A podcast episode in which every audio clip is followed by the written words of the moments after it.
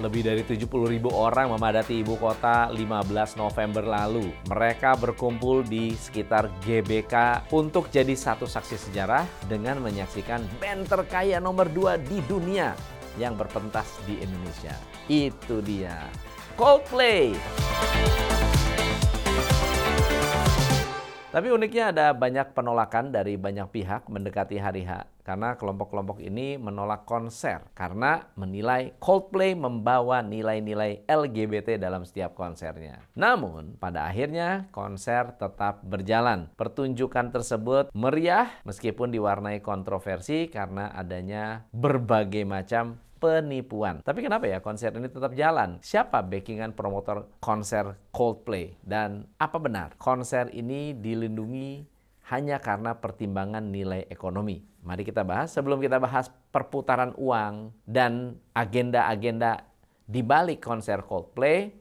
Yuk kita bahas tentang kebutuhan primer masyarakat. Hari ini konser sudah jadi kebutuhan. Hal ini dikonfirmasi lembaga riset Jakpat lewat survei berjudul Musik Concert Trends 2023. Nah, di survei ini mereka mengumpulkan 2.600 orang yang tersebar di seluruh Indonesia. Hasilnya 38% responden mengaku telah menonton konser musik rata-rata 2 sampai 3 kali pada semester pertama tahun ini. Nah, itu wajar karena secara global industri hiburan sedang mengalami peningkatan pendapatan 5%. Bahkan mereka diproyeksikan akan semakin untung sampai tahun 2026 nanti. Mungkin ini terjadi seperti momen balas dendam. Karena waktu pandemi kan semua konser, hiburan, semua mati suri dan dilarang. Tapi menurut pendapat pengamat pemasaran, fenomena ini adalah bentuk dari FOMO masyarakat. Namanya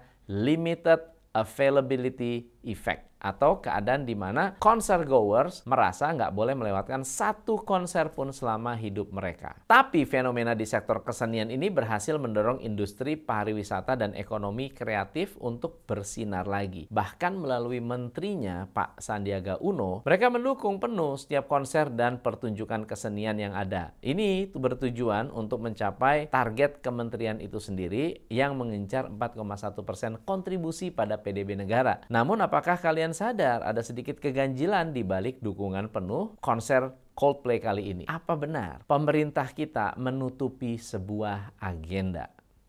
Begini, Menurut Spotify Indonesia, khususnya Jakarta, Jakarta adalah basis pendengar lagu-lagu Coldplay terbanyak di dunia. Pencapaian ini dibuktikan dengan jumlah pendengar bulanan sebanyak 66,75 juta, follower sebanyak 48 juta orang. Sebagai basis, kita tidak perlu meragukan animo masyarakat pada konser ini. Buktinya semua tiket dijual ludes dalam 6 menit. Baik yang paling murah dengan harga ratusan ribu atau yang VIP dengan harga 11 juta.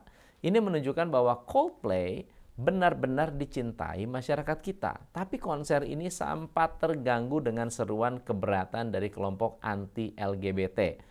Bahkan mereka menyerukan seruan aksi dan berbagai macam ancaman boykot. Hingga akhirnya pada hari H, masa yang menolak konser Coldplay melakukan demo di kawasan Gelora Bung Karno dengan dalih khawatir akan atribut LGBT. Namun mereka akhirnya mau mendengar jaminan dari Kapolda Metro Jaya dan mengalihkan demo menuju gedung DPR RI. Nah, sebenarnya bagian uniknya bukan itu. Tapi apakah Anda menyadari bahwa konser Coldplay ini seakan dilindungi beberapa pihak? Teori ini berangkat dari paparan Bapak Sandiaga Uno jauh-jauh sebelum konser ini dihelat. Sejak masih dirumorkan Menteri Pariwisata dan Ekonomi Kreatif ini antusias banget mendukung dan mewujudkan konser Coldplay di GBK. Bahkan ia menyebut bahwa kita akan mendapat keuntungan hingga 75 juta US dollar atau sekitar 1,5 16 triliun jika mampu menghelat konser berjudul Music of the Spear World Tour. Nah, gimana bisa dikalkulasi dengan mudah? Padahal menurut kata data banyak musisi internasional enggan masuk di Indonesia. Karena apa? Birokrasi di Indonesia ini susahnya minta ampun. Poin itu angkanya menyentuh 42% sebagai alasan yang membuat para musisi gagal konser di Indonesia. Jadi kenapa tiba-tiba men parekraf kita yakin banget kita gali lebih dalam. Karena nilai potensi perputaran uang yang tinggi, konser ini sepertinya mampu mendukung target-target Pak Menteri. Ya, at least ada empat alasan. Yang pertama, Coldplay adalah band ternama dunia dengan basis penggemar yang sangat besar. Konsernya kali ini diharapkan menarik wisatawan mancanegara untuk datang ke Indonesia. Nah, hal ini sejalan dengan target kunjungan Wisman, wisatawan mancanegara yang sudah ditargetkan oleh kementerian yaitu 7,4 juta kunjungan tahun 2023. Yang kedua, kehadiran ribuan Wisman untuk nonton konser ini bisa meningkatkan devisa di sektor pariwisata. Nah, selain itu, Pak Menteri juga memprediksi bahwa hal ini akan memberikan kontribusi kepada nilai ekspor produk ekonomi kreatif sebesar 26,46 miliar. Nah, yang ketiga, selain Wisman, Konser musik skala internasional juga diperkirakan menarik wisatawan Nusantara dari berbagai daerah. Nah ini kan mendukung dong target wisatawan Nusantara sebesar 1,4 miliar. Hal ini mendukung target wisatawan Nusantara di tahun 2023. Dengan meningkatnya pergerakan wisatawan baik mancanegara maupun Nusantara otomatis akan menambah nilai produksi sektor pariwisata dan lapangan usaha terkait transportasi, akomodasi, wisata kuliner, dan lain-lainnya. Nah, selain itu juga akan memberi kontribusi terhadap PDB nasional dengan target nilai tambah kementerian milik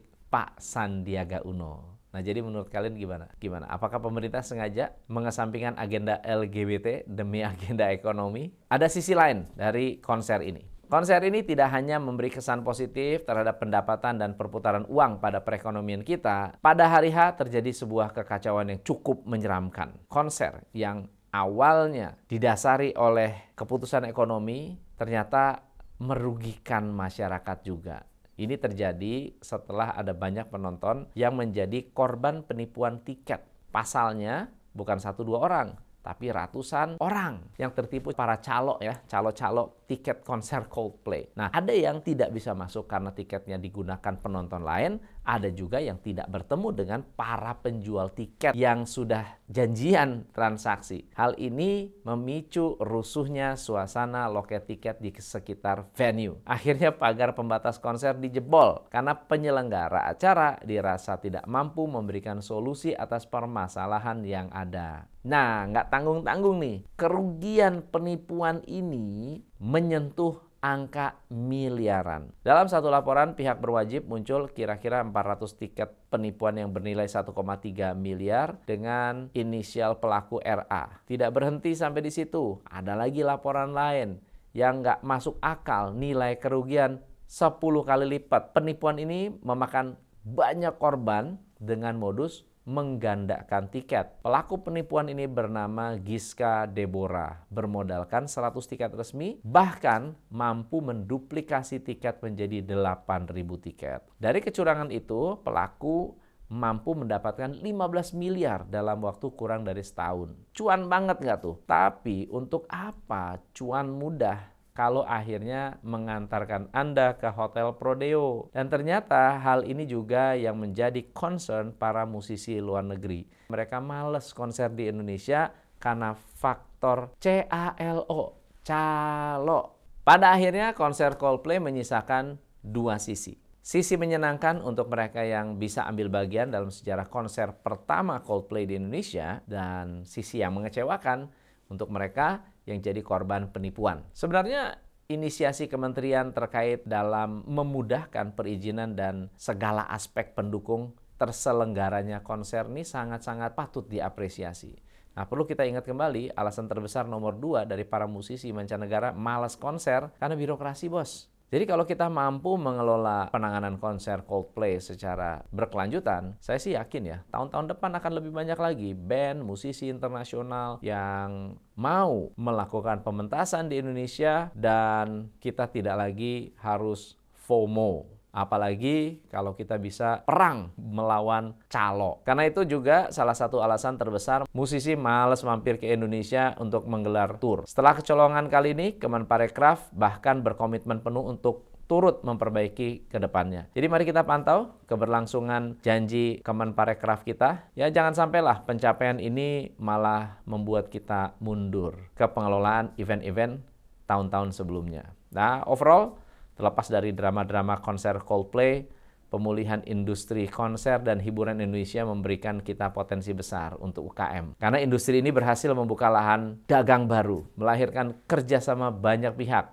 dan memancing program pendanaan di sektor makanan dan hiburan. Nah, bukan hanya itu ya, kita juga mendorong kenaikan sektor pariwisata juga penerimaan pajak. Nah, untuk itu teman-teman, kalau Anda ingin belajar bisnis lebih lanjut, jangan lupa follow, like, and subscribe, dan ikuti program-program saya di Instagram untuk memanfaatkan momentum positif pasca pandemi. Saya Tom MC Ifle, salam pencerahan. Hanya di Top Indonesia.